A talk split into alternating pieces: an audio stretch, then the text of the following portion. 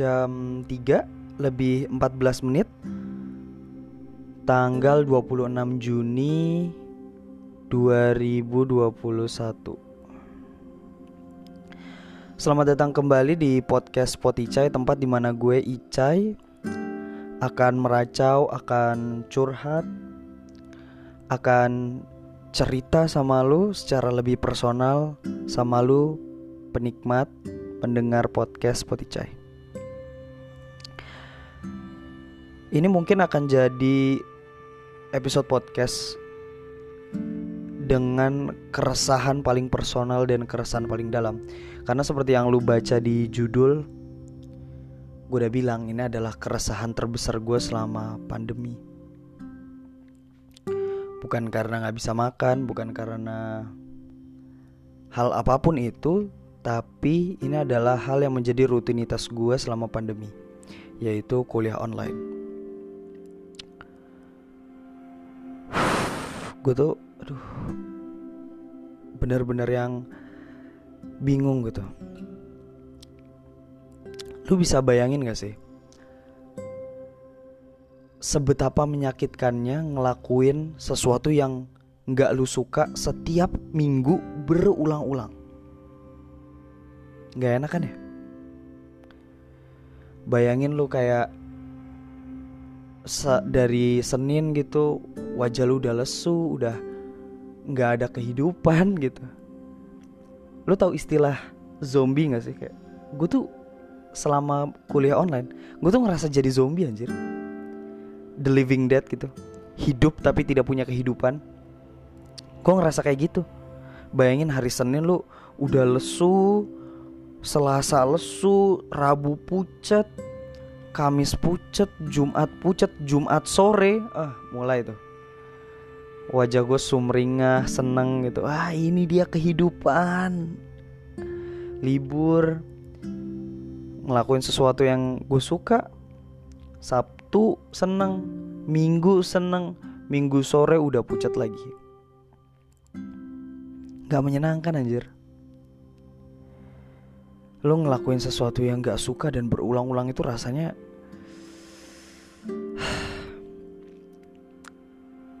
menyakitkan sekali sejujurnya.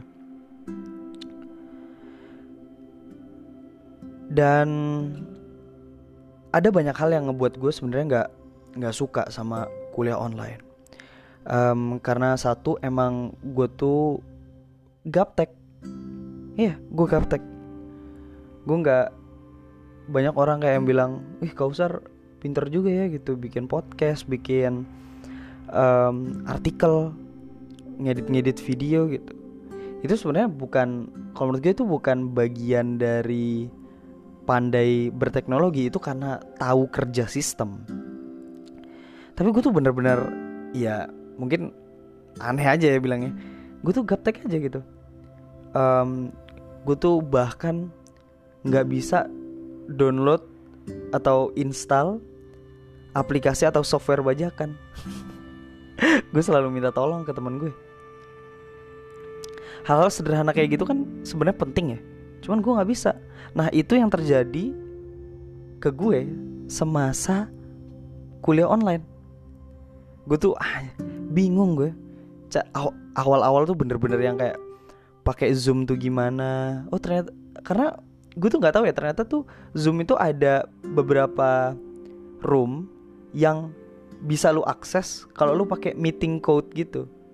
Tapi kalau misalnya lu nggak punya meeting code-nya lu nggak bisa masuk gitu. Tapi ada beberapa yang cuman ngeklik linknya doang lu udah bisa masuk gitu. Penggunaan Google Classroom juga bingung banget. Ini gue inget banget ya waktu kuliah um, waktu pembelajaran jarak jauh pertama kali dimulai di 2020 bulan Maret. Itu kan gue kan habis kecelakaan ya. Dan gue tuh udah yang fuck up gitu sama belajar gitu udah yang ya lah buat apa sih? gitu. Udahlah nggak usah nggak usah ini. Ya karena mungkin gue waktu itu juga bad mood karena kecelakaan itu ya. Um, cuman di pembelajaran jarak jauh itu harusnya itu adalah pengenalan pertama gue. Bukan pas di kampus. Gue baru pertama kali pakai. Bukan. Tapi gue nggak pakai? Iya karena gue ngerasa udah eh udahlah nggak nggak perlu dah. dan akhirnya sesuai dengan prediksi gue UN dibatalkan. Dan harusnya itu mungkin lu ya karena lu masih pelajar atau mungkin lu temen gue juga atau mungkin lu sahabat gue yang ngalamin juga kuliah online atau pembelajaran jarak jauh lo harus pandai-pandai sih menurut gue. Pakai software atau aplikasi yang mendukung pembelajaran lo. Bahkan gue tuh ada um, penggunaan Microsoft Excel gue nggak bisa saking gapteknya gue. Gue tuh sampai emosi sendiri gitu kalau ada dosen atau guru yang pakai aplikasi chattingan lain karena nggak mau WhatsAppnya dia dipenuhi dengan kontak-kontak mahasiswanya. Ada tuh. Um, beberapa dosen ada yang pakai Kaizala dan segala macamnya gitu. Ya ampun. Kan maksudnya bi bikin bikin susah aja gitu. Kenapa nggak satu aja gitu WhatsApp atau Telegram mungkin? Kenapa harus ada kayak Kaizala dan segala macamnya gitu? Dan mungkin selain gagap teknologi, gue tuh juga orangnya gagap dengan ekosistem belajar politeknik. Jadi buat teman-teman atau sahabat gue yang belum tahu, gue tuh adalah mahasiswa teknik kimia dengan prodi teknologi kimia industri di Politeknik Negeri Malang. Nah, buat lo yang nggak tahu dan mungkin lo mempersiapkan diri untuk melanjutkan ke jenjang yang berikutnya yaitu perguruan tinggi. Lu tuh harus tahu dengan ekosistem belajar perguruan tinggi yang lu tuju. Kayak misalnya universitas, kalau universitas kan lebih ke arah riset dan ditujukan untuk alumni SMA. Alumni SMA karena tidak dibekali dengan kemampuan lain selain keilmuan, maka diharapkan untuk bisa melanjutkan ke perguruan tinggi yaitu universitas. Habis itu ada UIN, Universitas Islam. Um, ini ditujukan untuk teman-teman kita, untuk lo mungkin pendengar podcast gue yang bersekolah di madrasah aliyah dengan keilmuan dengan keagamaan yang lu punya, lu tuh diharapkan bisa masuk ke Universitas Islam. Karena di Universitas Islam lu akan mendapati ekosistem belajar di lingkup per, perkuliahan yang agamis gitu yang penuh dengan nilai-nilai keislaman gitu.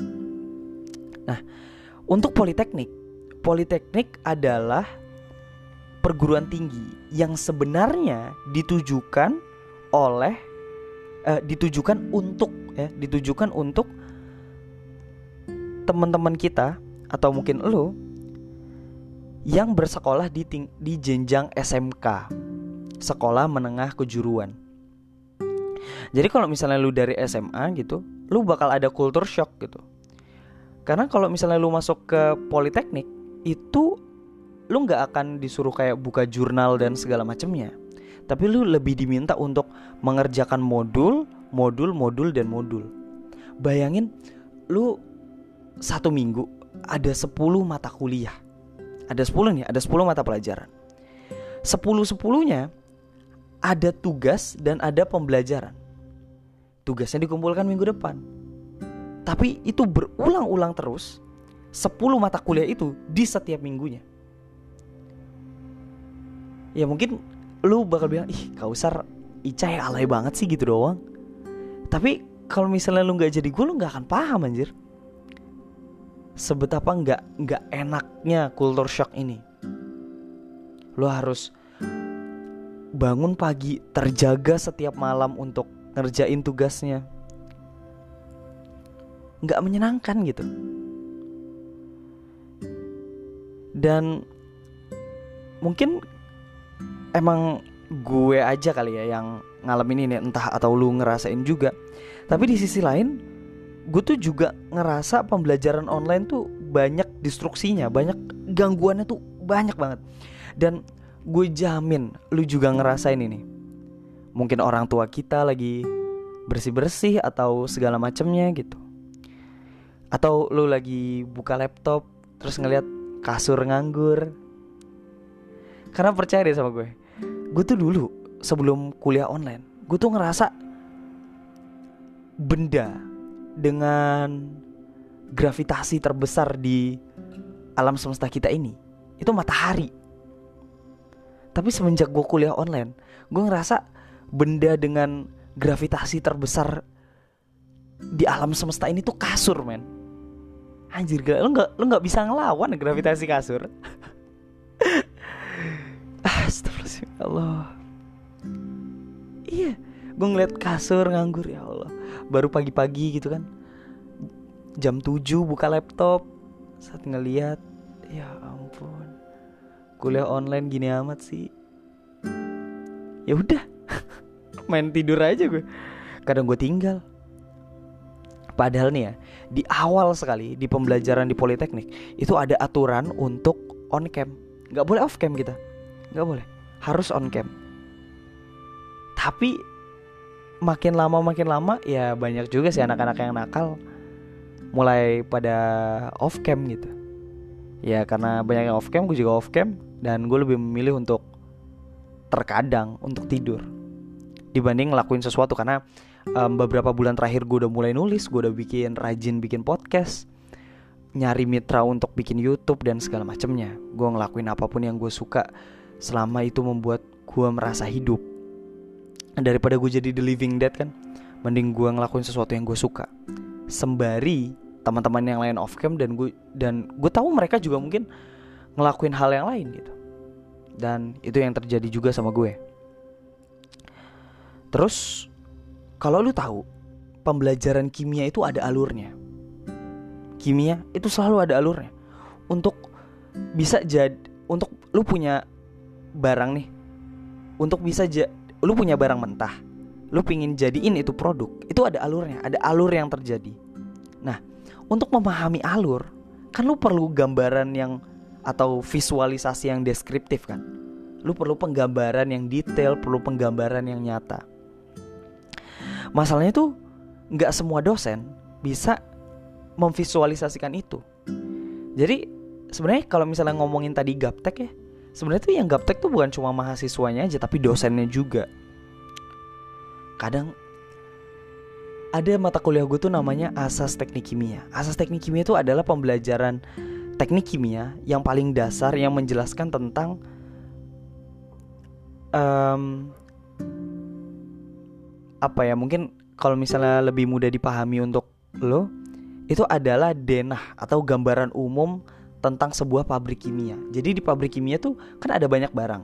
Nah, kalau misalnya dari A, dari kan barang uh, apa ya? Instrumen-instrumen di pabrik kan banyak tuh. Ada segala macamnya gitu. Nah, dari A sampai Z itu ada alurnya. Ada B, C, D, E, F, G dan segala macamnya. Nah, untuk ngelewatin itu lu tuh harus jelas gitu penjabaran oh ternyata dari sini ke sini, dari sini ke sini, dari sini ke sini sampai bisa jadi produk yang bernilai jual. Nah, sayangnya di pe, di pembelajaran kuliah online itu nggak ada kayak gitu, nggak bisa dijelasin visualnya gitu. Mungkin seharusnya bisa dengan penggambaran mungkin lewat internet dan segala macam ya. Tapi sayangnya dosen gue nggak. Akhirnya makin banyak teman-teman gue yang malas juga untuk ngikutin pembelajaran ini gitu. Sampai ya Allah. Gila. Gue mungkin bisa bilang hampir setengah dari kelas itu nggak ada yang paham sama materi itu. Kimia tuh ada alurnya gitu nggak nggak sembarangan gitu. Nah untuk bisa memahami alur lu kan perlu visualisasi yang jelas gitu. Dan sayangnya di pembelajaran online gak semua dosen bisa menyajikan pembelajaran dengan visual yang deskriptif. Selain um, pembelajaran di mata di jurusan gue tuh ada alurnya dan mungkin gue nggak tahu ya jurusan lu gimana ataukah lu di matematika atau hukum dan segala macamnya yang gak ada alurnya tapi di jurusan gue ada alurnya sehingga gue makin hari tuh makin resah makin makin capek untuk ngejalanin kuliah ini gitu. Setelah itu lu lu lu kebayang gak sih? Harus ngerjain laporan praktikum tanpa praktikum. Ngerasain nggak bayangin dah lu lu disuruh membuat laporan atas tindakan yang lu lakukan. Tapi lu nggak nggak ngelakuin tindakan itu gitu. Lu nggak melakukan eksperimennya lu nggak ngelakuin praktikumnya.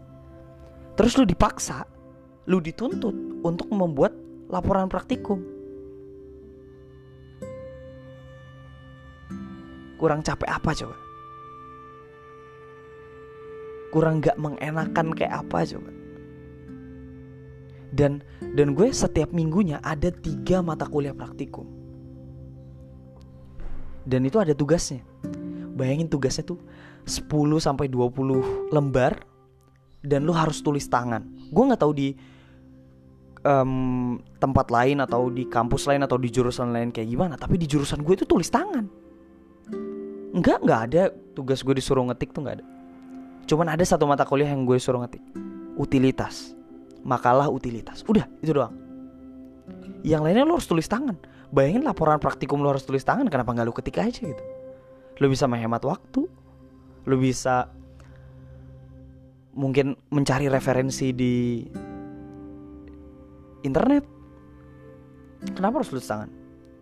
Ya mungkin mungkin itikatnya baik untuk mencegah plagiat plagiat gitu plagiatisme. Tapi di sisi lain ya banyak juga gitu teman-teman gue yang ngeliat laporan praktikum temennya gitu. Termasuk gue juga. Wah gue kurang berterima kasih apa? Gue tuh harusnya berterima kasih sekali sama teman-teman yang ngebantu gue. Yang yang ngebantu gue untuk bisa selamat berkali-kali dari mata kuliah yang nggak gue suka karena pembelajaran online tentunya. Dan mungkin kalau misalnya pembelajaran off offline mungkin gue bakal suka. Tapi buat laporan atas tindakan yang nggak lu lakuin itu nggak menyenangkan dan dan lu nggak tahu detailnya kayak gimana kan. Bayang lu praktikum cuman ngelihat video ya lu nggak ngerasain lu nggak tahu secara detail hal-hal apa aja yang harus diperhatikan di laboratorium dan segala macamnya. Dan atau mungkin hal yang lu lakuin sebenarnya itu adalah hal yang penting di jurusan lu. Tapi lu nggak lu nggak ngedapetin sensasinya untuk bisa praktikum secara langsung. Dan lu harus nulis laporan atas tindakan yang nggak lu lakuin.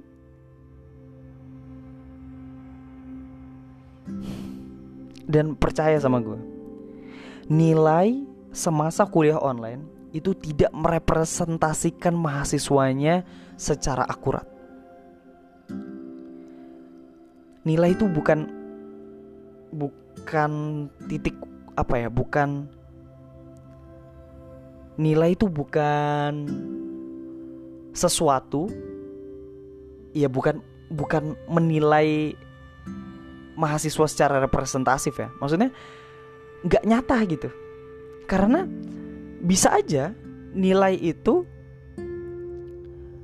dimanipulasi sedemikian rupa bukan bukan nilainya ya tapi proses untuk mencapai nilai itu bisa dimanipulasi sedemikian rupa sehingga dosen-dosen nganggep oh iya dia bener dapetin nilai ini sementara kalau misalnya di kuliah offline nggak bisa karena kuliah offline kan ketika lu ujian ada pengawasnya, lu ujian sisipan atau kuis ada pengawasnya.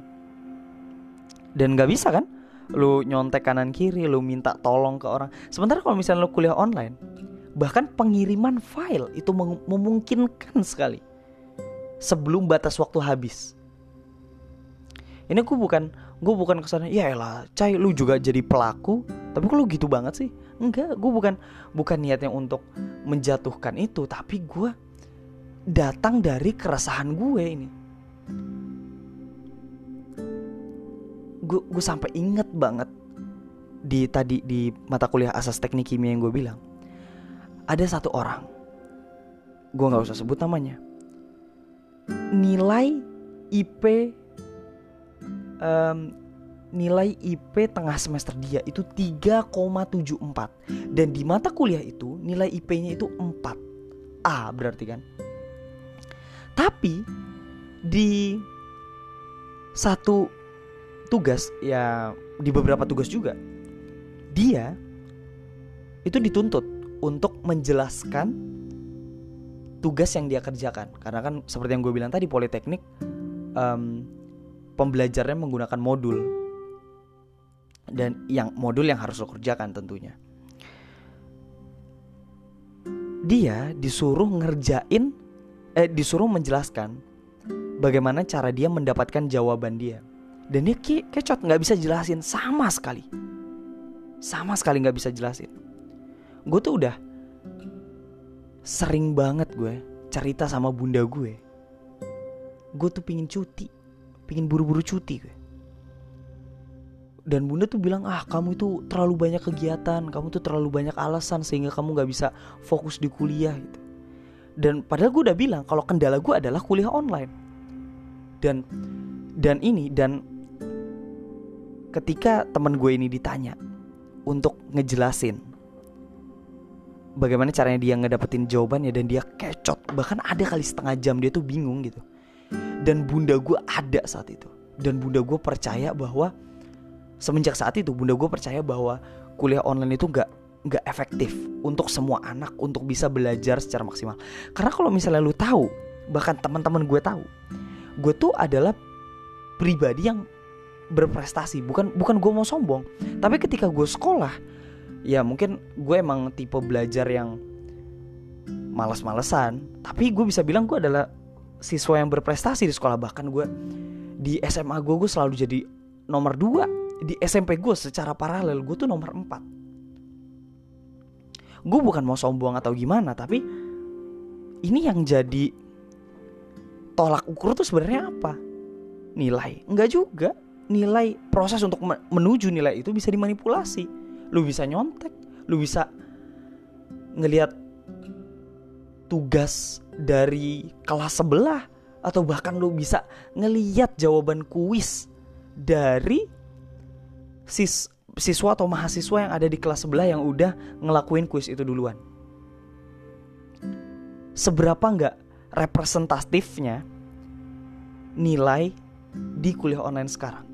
Itu gambarnya tuh. Bunda gue tuh ya, yang awalnya nganggep gue tuh cuman alasan doang ngelihat kuliah online dan segala macamnya. Begitu dia ngelihat teman gue yang kecot itu tadi, dia percaya. Dia bilang iya bener. Kuliah online nilai yang ada di kuliah online tidak merepresentatifkan, tidak merepresentasikan kualitas mahasiswa secara akurat dan sesungguhnya. Ya nggak bisa gitu. Lu sebagai dosen ya, gue bisa memaklumi lu nggak bisa memantau si mahasiswa lu 24 jam gitu. Nggak bisa setiap waktu gitu tapi kalau misalnya lu mungkin pembelajaran tatap muka, lu tuh bisa mengawasi tindak kecurangan yang terjadi di antara para mahasiswa. Setidaknya seperti itu. Gue tuh bahkan ya setiap hampir setiap malam gue tuh nangis. Gue stres gue. Gue cerita ke gebetan gue, gue cerita ke bunda gue gue nggak kuat gue pengen cuti pengen banget gue cuti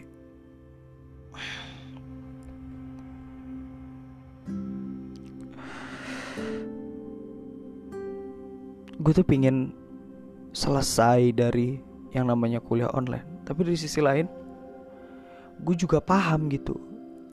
Yang bingung tuh bukan cuma gue bukan cuma gue sebagai mahasiswa tapi dosen-dosen juga pasti bingung gitu. Gimana cara pembelajaran yang terbaik di masa pandemi? Kalau misalnya kuliah berhenti gimana masa depan bangsa gitu? Tapi kalau misalnya kuliahnya tetap jalan lu bayangin aja gila kualitas mahasiswa teknik kimia sekelas Politeknik Negeri Malang di prodi terbaru yang hanya ada satu di Indonesia teknologi kimia industri adalah prodi satu-satunya di Indonesia yang membahas tentang teknologi kimia itu. Ya, ya, ya sesuai nama prodi. Satu-satunya di Indonesia tapi kualitas mahasiswanya masih kayak gitu. Gimana nih cara dosen-dosen untuk meningkatkan kualitas mahasiswanya? Gimana? Sama-sama bingung gitu. Gue nggak punya solusinya. Mungkin beberapa dosen juga nggak punya solusi untuk bisa ngajar dan memantau aktivitas mahasiswanya. Dan gue paham, gue paham nggak nggak cuma gue gitu. Kalau misalnya kuliah dilanjutin dengan kualitas mahasiswanya yang segitu aja, bayangin ada banyak mungkin pabrik kimia yang gagal. Gue nggak bilang meledak ya karena itu terkesan terlalu frontal, cuman ada banyak pabrik kimia yang gagal dengan lulusan dengan kualitas yang kayak gitu. Sedih nggak dengernya? Sedih pasti. Dan mungkin nggak cuma di kimia aja, tapi di berbagai aspek lain juga gitu.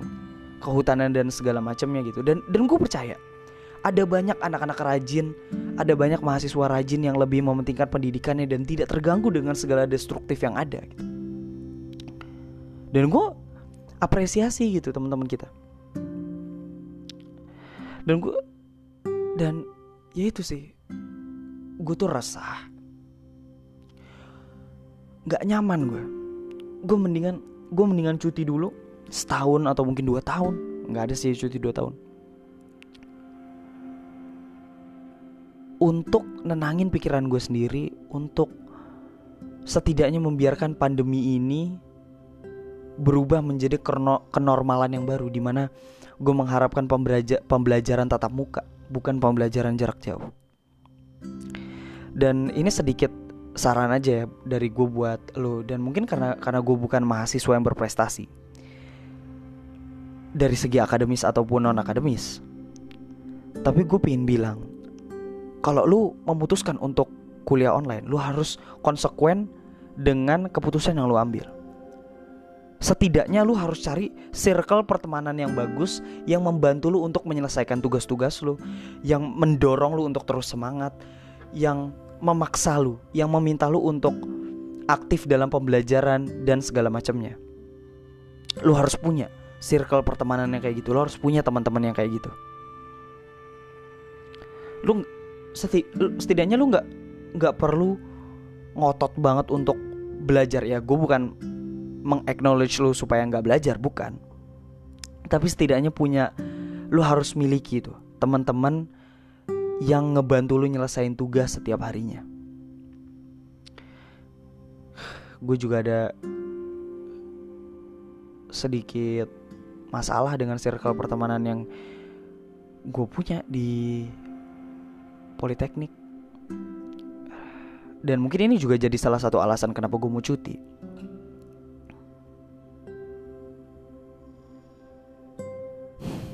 Gue bingung mau ngapain lagi. Dan ke depannya sih cuti gue bakal gue isi dengan banyak kegiatan yang gue rasa bermanfaat termasuk dengan menulis. Gue pengen rajin bikin podcast.